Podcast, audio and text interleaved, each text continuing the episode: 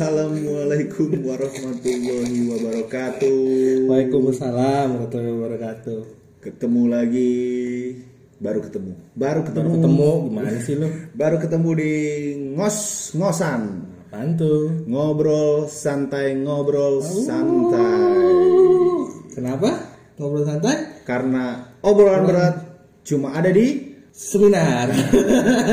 kuliah lagi, kuliah anda Kuliah aja sana kalau mau ngobrol berat. Jadi mungkin kita introducing dulu. Nama gua Reza. Gua ditemenin sama temen gua.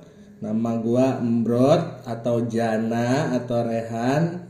Terserah lah mau manggil apa. Manggil aja yang nyaman. Kalau dia sih biasanya manggilnya Dut. Oh, oke. Oke, mungkin untuk eh, podcast ini akan selalu diisi oleh kita berdua Ya. Eh, dengan apa namanya dengan tentunya dengan topik-topik yang sangat berbeda. Eh, podcast ini kita mulai juga untuk apa ya mengu- mengutarakan sebuah pendapat lah. Kita sharing sama-sama sharing di sini supaya ke depannya akan lebih baik. Syukur-syukur mungkin bisa diterima oleh banyak orang. Ya bener-bener Jadi ya pokoknya kita pengen ngobrol Pengen beropini Semoga bermanfaat Kalau nggak bermanfaat coba kuliah lagi aja Oke, kita langsung masuk ke topik kita yang pertama, Dut. Apaan tuh? Generasi muda zaman sekarang Wow. lebih open minded. Wow open minded itu gimana sih maksudnya bro? Nah, tapi gini maksud gua, gua mau mau mau garis bawahi dulu nih yang dimaksud dengan generasi muda zaman sekarang op- lebih open minded kayak gimana? Karena menurut gua eh, pada akhirnya setiap generasi itu dia punya kepribadian yang masing-masing Ya, kan, cara betul. berpikir pola pikir yang masing-masing. Betul. Nah, ini ini menarik nih buat kita bahas nih. Mungkin kita kita bisa bahas mungkin Yoi. dari Pertama kita Hmm? Gue sih pengen coba bahas ini deh Bahas ah, Kita kan generasinya lebih open minded nih sekarang betul sekali betul. Cuman kan gue tuh pengen tahu gitu kenapa sih kok kita bisa open minded tuh? Karena kan bahasanya lebih open minded berarti harus ngebandingin sama generasi orang tua dulu betul sih, betul kayaknya. betul. betul ya betul. Generasi orang tua kita. Generasi orang tua kita itu eh, sangat berjasa lah untuk ngebuat kita seperti ini gitu Ya. walaupun dengan eh, beberapa beberapa eh, behavior atau cara mendidik orang tua kita generasi kita sebelumnya tentunya yang pada akhirnya mungkin bisa jadi eh, keuntungan atau kerugian buat diri kita sendiri gitu kan. Ya plus minus lah sebenarnya karena kan setiap generasi itu beda-beda. Nah. Makanya gue tuh sebenarnya mau penasaran banget kayak gitu kayak apa sih yang membedakan kita dengan generasi yang dulu? Kenapa bisa terpaut seterbeda itu? Kayak gitu loh. Mungkin karena kelakuan kali ya. Iya betul betul betul bisa. Kalau kelakuan mungkin lebih kepada eh, apa ya? Mungkin ya gue nggak tahu juga sih. Mungkin apakah generasi orang tuanya orang tua kita lebih eh, apa namanya lebih close minded atau bagaimana yang pada akhirnya menimbulkan sebuah perilaku ataupun cara mendidik eh, dari generasi orang tua kita itu yang yang eh, bisa merugikan atau menguntungkan kita. Misalkan contohnya eh, kadang lu pernah nggak sih ngerasa kayak orang tua lu tuh pengennya seperti ini loh. Nah. Orang tua lu pengennya seperti ini, tapi ternyata eh, lu tuh mau maunya tuh nggak seperti ini. Pada akhirnya toh kita juga tahu bahwa orang tua kita kan juga mau yang terbaik buat kita kan. Tapi eh, itu tidak sesuai dengan keinginan kita. Nah, yang pada akhirnya mungkin secara tidak langsung kita eh, apa namanya punya jiwa rebel ya, punya jiwa punya jiwa eh, memberontak. Se- Sebagaimana yang kita tahu kita punya jiwa ngeberontak dan akhirnya orang tua kita nggak bisa apa-apa gitu. Karena dengan mungkin ya mungkin dengan kondisi yang sudah lebih, jauh lebih tua atau bagaimana pada akhirnya toh mereka akan melemah sendiri gitu loh. Gue gue di sini gue di sini berbicara eh, orang tua yang keras ya. Maksudnya dalam artian orang tua yang strict anaknya harus seperti ini. Pada akhirnya dia akan akan luluh juga akan luluh dan akan melemah. Dan akhirnya eh, orang itu atau generasi kita itu akan akan lebih bisa mendapatkan apa yang dia mau dengan jalannya dia sendiri. Gitu. Gitu sih. Setuju banget sih.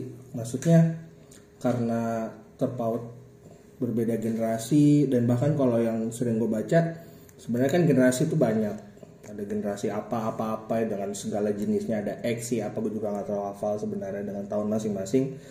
Nah mereka itu terpaut berbe- perbe- apa namanya berbeda dengan zaman itu karena background background fight di zaman mereka masing-masing. Kalau yang terdekat di orang tua kita, mungkin mereka bisa berperilaku ya kayak nyokap gue deh misalnya.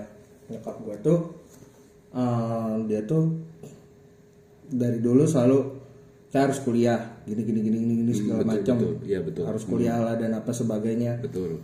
Dan juga kadang aduh ini yang kocak sih. Hmm, apa tuh? Kan ada tuh istilah apa namanya? Keluarga grup WA ya iya gue tahu banget tuh. Maksudnya lu lu kebayang gak sih men sampai sampai itu tuh jad- bisa jadi apa bisa jadi suatu stereotip? Itu kan artinya gini loh. Memang kita nggak boleh generalisasi cuma kan stereotip itu muncul bukan karena tanpa alasan. Betul. Bisa sampai ada stereotip hah host grup keluarga WA dan sebagainya. Dan itu mena- menandakan sebenarnya mungkin mungkin ya itu adalah salah satu behavior yang menandakan kalau ya sesuai tema mereka lebih close minded kayak gitu. Karena keresahan gue tuh bisa sampai eh, sampai keluarga-keluarga gue tuh pokoknya cuma ngepost yang menurut mereka tuh bener doang kayak gitu loh. Kayak misalkan ada presiden A kalau dia udah milih presiden A maka semua postingan yang membaguskan presiden A dan menjelekkan presiden B nggak peduli sumber yang mana itu yang benar begitu juga sebaliknya. Kayak gitu. Itu salah satu ininya sih salah satu contohnya yang bisa dilihat. Atau mungkin kalau soal ya mungkin salah satu soal behavior itu soal bagaimana misalnya gue nggak tahu ya tapi gue masih suka denger soal marriage misalnya. Soal marriage itu masih ada yang suka ah nggak setuju ah. Karena dia orang Jawa karena dia orang Sunda. Lu kebayang gak sih kayak gitu masih ada betul betul gila sih. Ya itu lebih ke ya sih ya ya gue juga juga berpikir kayak gitu sih. Karena gue juga mengalami hal kayak gitu. Kayak ya misalkan kalau gue sharing sharing lagi mungkin contohnya kayak pernah gak sih lo masih kecil tuh pas lo masih bocah lo mau tidur terus orang tua lo bilang kayak tidurnya jangan malam-malam ya nanti kalau misalkan malam-malam kamu diiniin. Itu tuh eh, itu bagi kopinya beda ambil aja. Nggak, eh, ya kan kalian santai. Nah maksud gue gini. Nah, balik lagi yang tadi gue bilang jadi kayak orang tua gue tuh pernah waktu pas gue masih kecil pas gue mau tidur terus nyokap gue bilang kayak tidurnya jangan malam-malam nanti kalau malam-malam digangguin setan. Nah maksud gue kan itu hal yang hoax tapi secara tidak langsung pada akhirnya impact dalam diri gue gitu. Iya. memang betul gitu pada akhirnya itu jadi jadi vibe yang positif gitu kan. Kenapa jadi vibe yang positif karena gue nggak jadi tidur malam karena Iya. hal itu. Cuman pada akhirnya itu tuh udah old school banget men. Udah kayak anjir gue dan udah nggak ya udah lah mas gue udah nggak nggak nggak akan nggak akan lagi gue pakai cara seperti itu di generasi gue gitu kan. Karena memang eh, apa namanya eh, udah old school aja udah cara kuno banget gitu. Pada akhirnya ketika misalnya misalnya gue nanti suatu saat nanti gue punya anak dan gue udah berkeluarga ya gue akan akan menidurkan anak gue ya dengan cara ya udah lu ngantuk jam berapa lu tidur kan gitu. Nah, itu itu itu secara secara eh, garis kecil kayak gitu. Nah kalau ngomongin masalah cara didik pun cara didik orang tua kita pun ya kita tahu lah cara mendidik orang tua itu berbeda-beda kan pastinya. Cuman pasti yang pasti yang pasti banget yang dialami mungkin nggak semuanya tapi lebih kepada semua semua orang tapi nggak nggak nggak nggak totally semuanya itu pasti lu pernah ngerasain namanya orang tua yang strict Yap. jadi Betul orang tua sekali. lu orang tua lu pengennya lu masuk ya for example lu mau masuk IPA nih tapi orang tua lu mau masuk IPS atau sebaliknya gitu ya kayak Biasanya sih sebaliknya men. iya iya iya bisa jadi mungkin gitu ya iya kayak Ini pasti banyak yang relate. Anda banyak yang relate ya.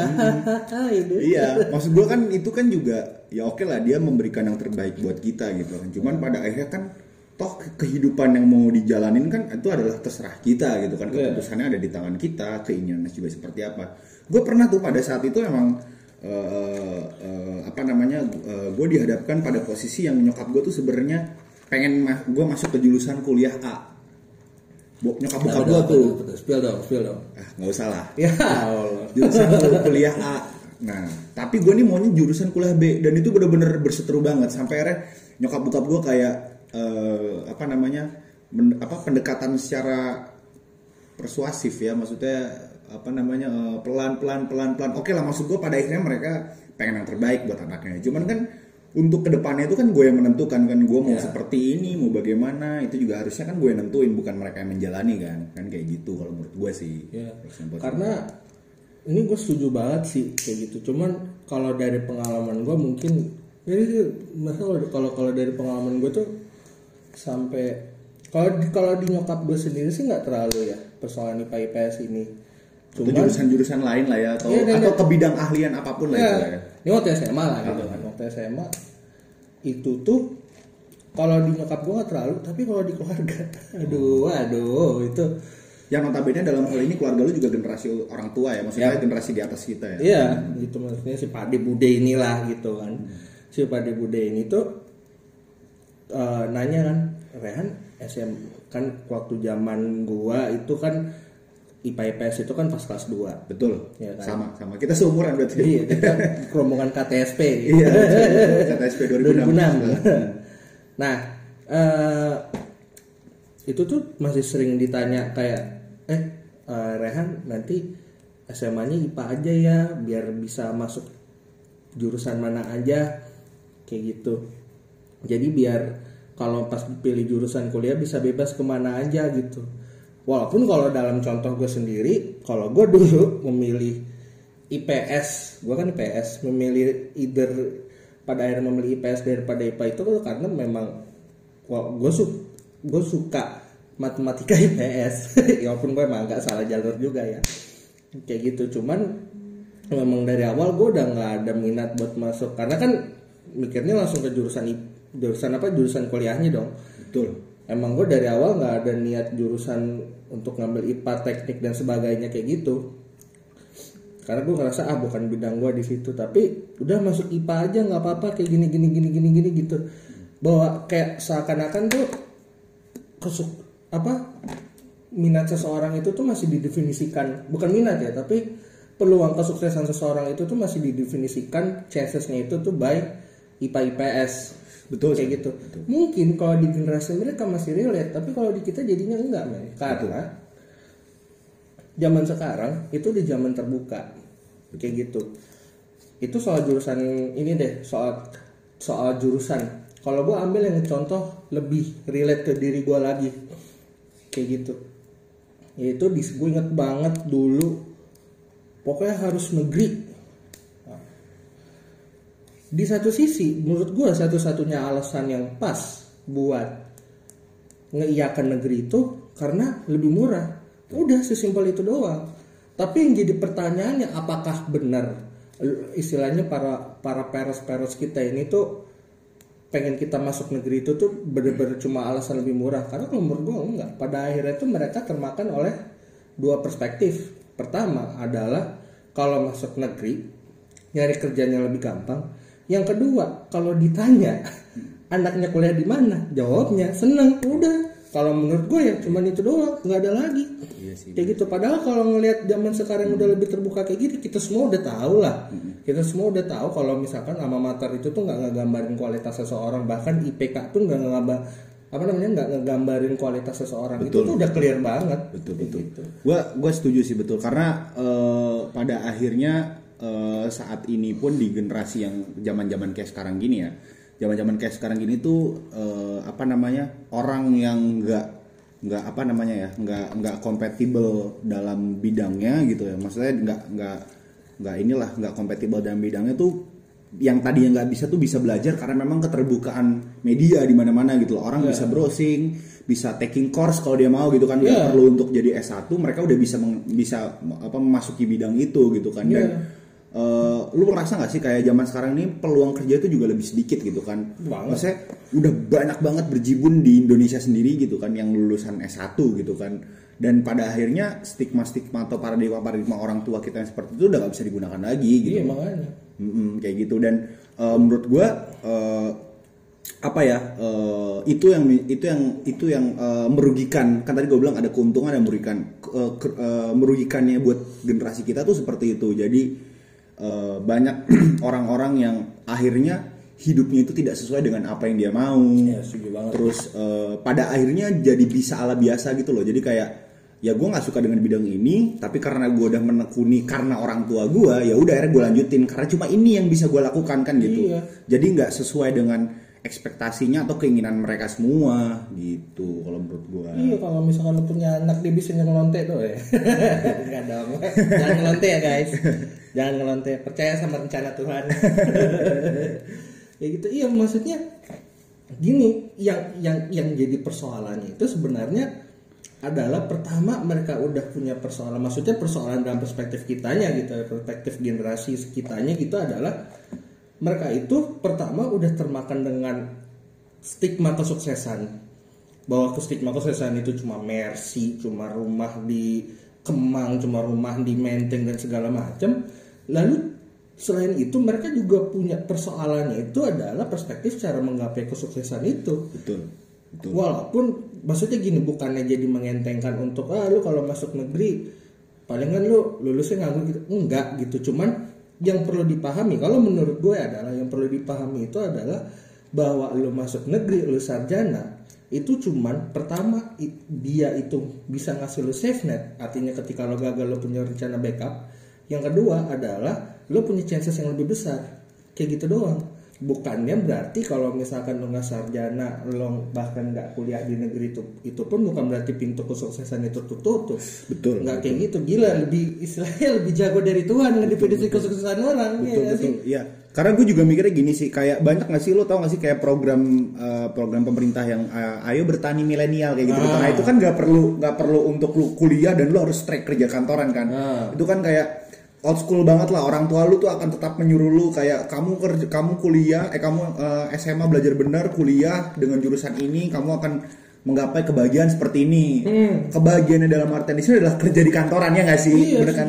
Kayak gue rasa semua orang juga merasakan hal yang sama gitu kan. Kerja di kantoran itu menurut orang tua kita tuh adalah satu pencapaian yang sangat di atas banget lah iya. gitu kan.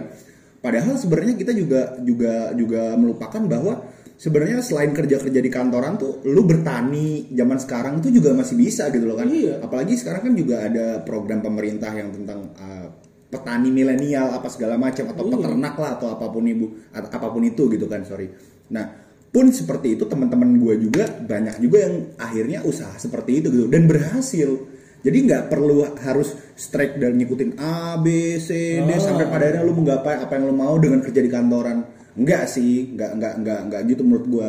Kalau kayak gitu pun pada akhirnya yaitu impactnya terhadap generasi kita bahwa generasi kita tuh akan monoton menjalani hidupnya gitu iya. gitu, akan lebih oh, monoton. Iya. Betul. Nah, sekarang kalau kita ngomongin masalah generasi muda nih, Dut. Nah, generasi muda otomatis dengan dengan cara didik dan pola pikir generasi tua yang diterapkan ke kita, itu kan pada akhirnya tidak bisa digunakan sama sekali dan akhirnya akan menciptakan sebuah behavior perilaku atau pola pikir yang yang yang sangat jauh berbeda dong dari generasi-generasi sebelumnya kayak generasi lebih muda lebih apa lebih lebih berpikir panjang lah lebih berpikir visioner dan lebih berpikir nggak ribet sih menurut iya. gua kalau generasi muda itu gitu sih menurut generasi muda itu ya pada akhirnya akan plus minus. Cuma kalau menurut gua pada akhirnya sebenarnya gua setuju sama tagline nya bahwa generasi muda zaman sekarang lebih open minded ya karena kita pertama kita nggak at least kebanyakan lah ya hmm, kayak gitu. betul udah mulai nggak mendefinisikan kesuksesan seseorang. Bahkan gue yakin kita sering lihat gue sih sering lihat sering lihat di postingan bahwa nggak definisi kesuksesan tuh beda-beda loh. Ya walaupun kadang-kadang itu bisa gue pakai buat ya bikin nyaman diri sendiri. Betul betul, betul. kayak gitu. Kita lebih terbuka kita lebih apa kita bisa bisa oh kalau misalkan dia nggak kerja ya terus kalau dia nggak kerja kenapa emang? Yang penting niatnya baik niatnya baik usahanya ada betul ya udah terus mau apa lagi? Iya.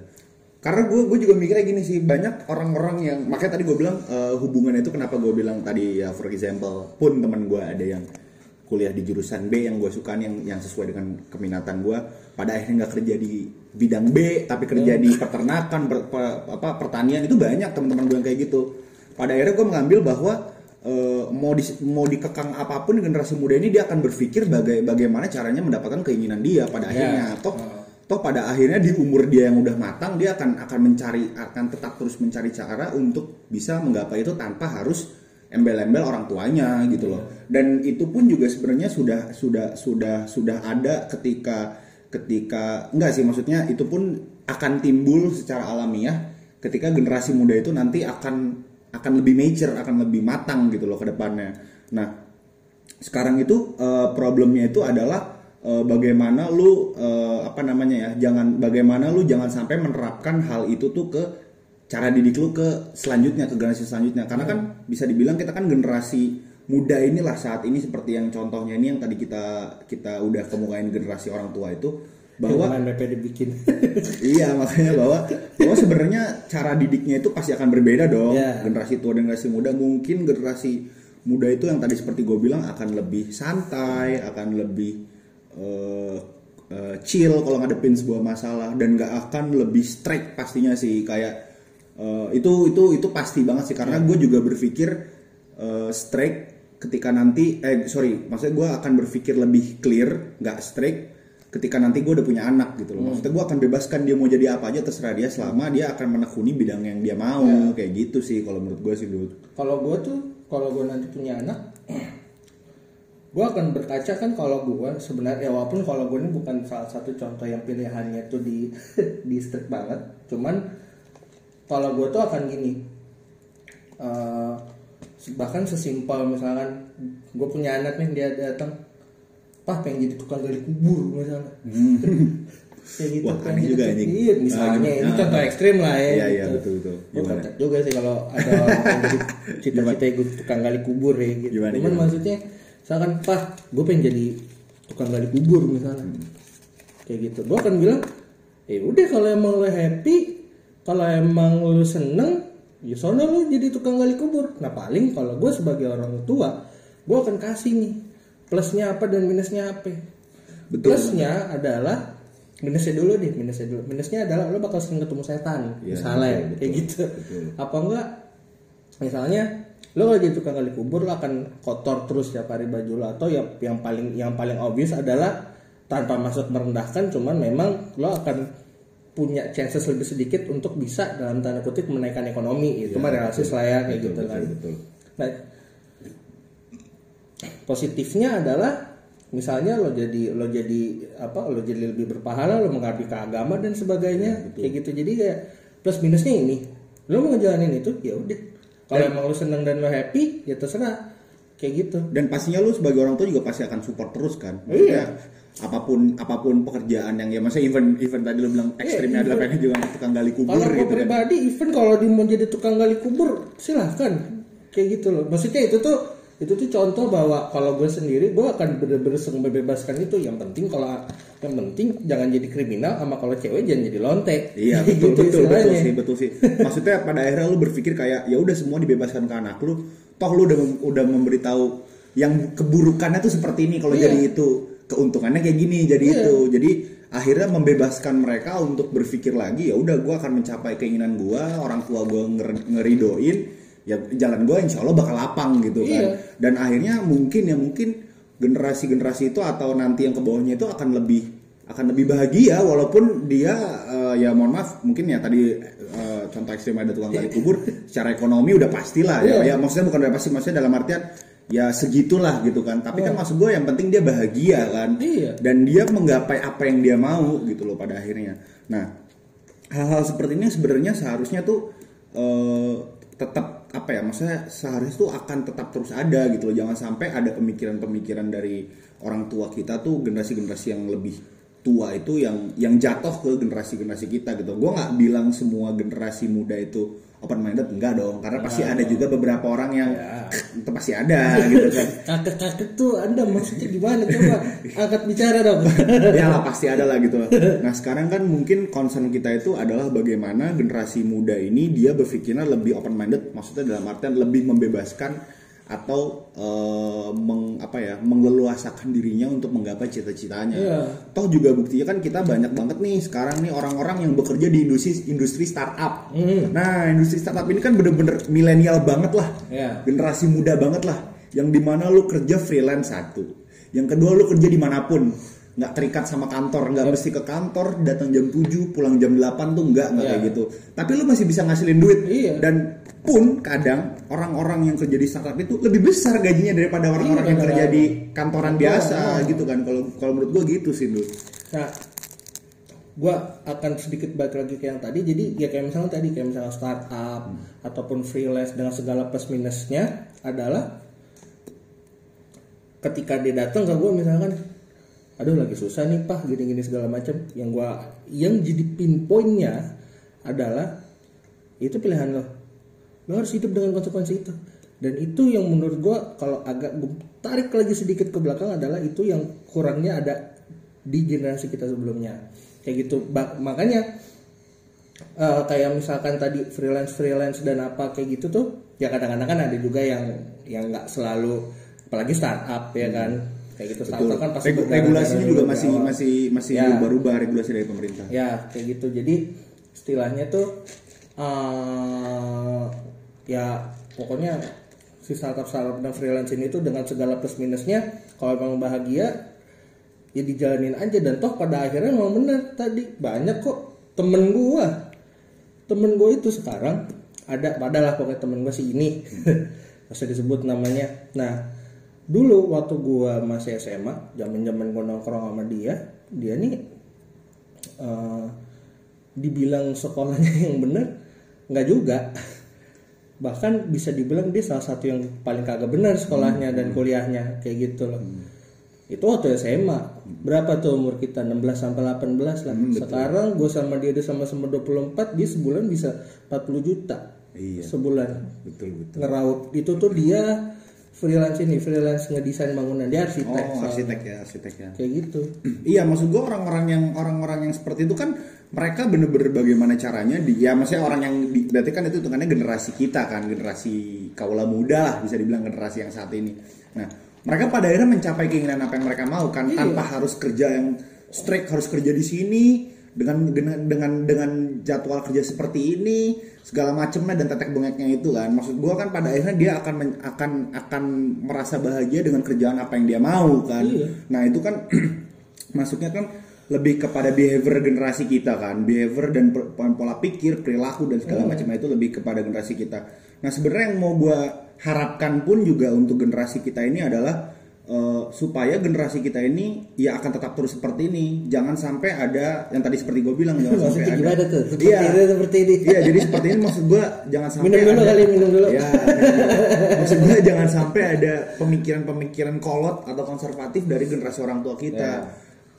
Gitu loh. Itu itu untuk soal masalah harapan cara didik lah. Kayak seperti yang tadi lo bilang kayak lo akan mendidik dan mensupport eh, apa namanya eh, anak lu bagaimanapun caranya apa pun itu yang penting anak lu bahagia dan dan dia mencapai apa yang dia mau gitu. Pun gue juga kayak gitu gitu loh. Pada akhirnya gue juga menerapkan pola pikir seperti itu karena impactnya itu yang tadi ya kalau gue bisa balik lagi ke belakang impactnya itu kan sangat berat buat kita. Karena pada akhirnya kita jadi memaksa diri kita untuk bahagia di dalam bidang itu. Padahal kan sebenarnya enggak kan gitu. Walaupun gue pribadi juga nggak ya nggak terlalu besar lah impactnya. Itu sih kalau harapan gue untuk cara didik cara didik yang eh, generasi kita ini yang kalau kita mungkin ngomongin eh, apa namanya impact dari cara didik kita terhadap generasi yang lebih bawah lagi mungkin gua rasa terlalu jauh ya karena kita juga belum nikah belum apa tapi yang jelas yang bisa dipastikan eh, untuk sepantaran lah sepantaran dengan seumur umur kayak gini gua rasa ya pola berpikirnya akan lebih jauh open minded Ya. lah untuk untuk hal-hal yang lebih berbau dengan karir atau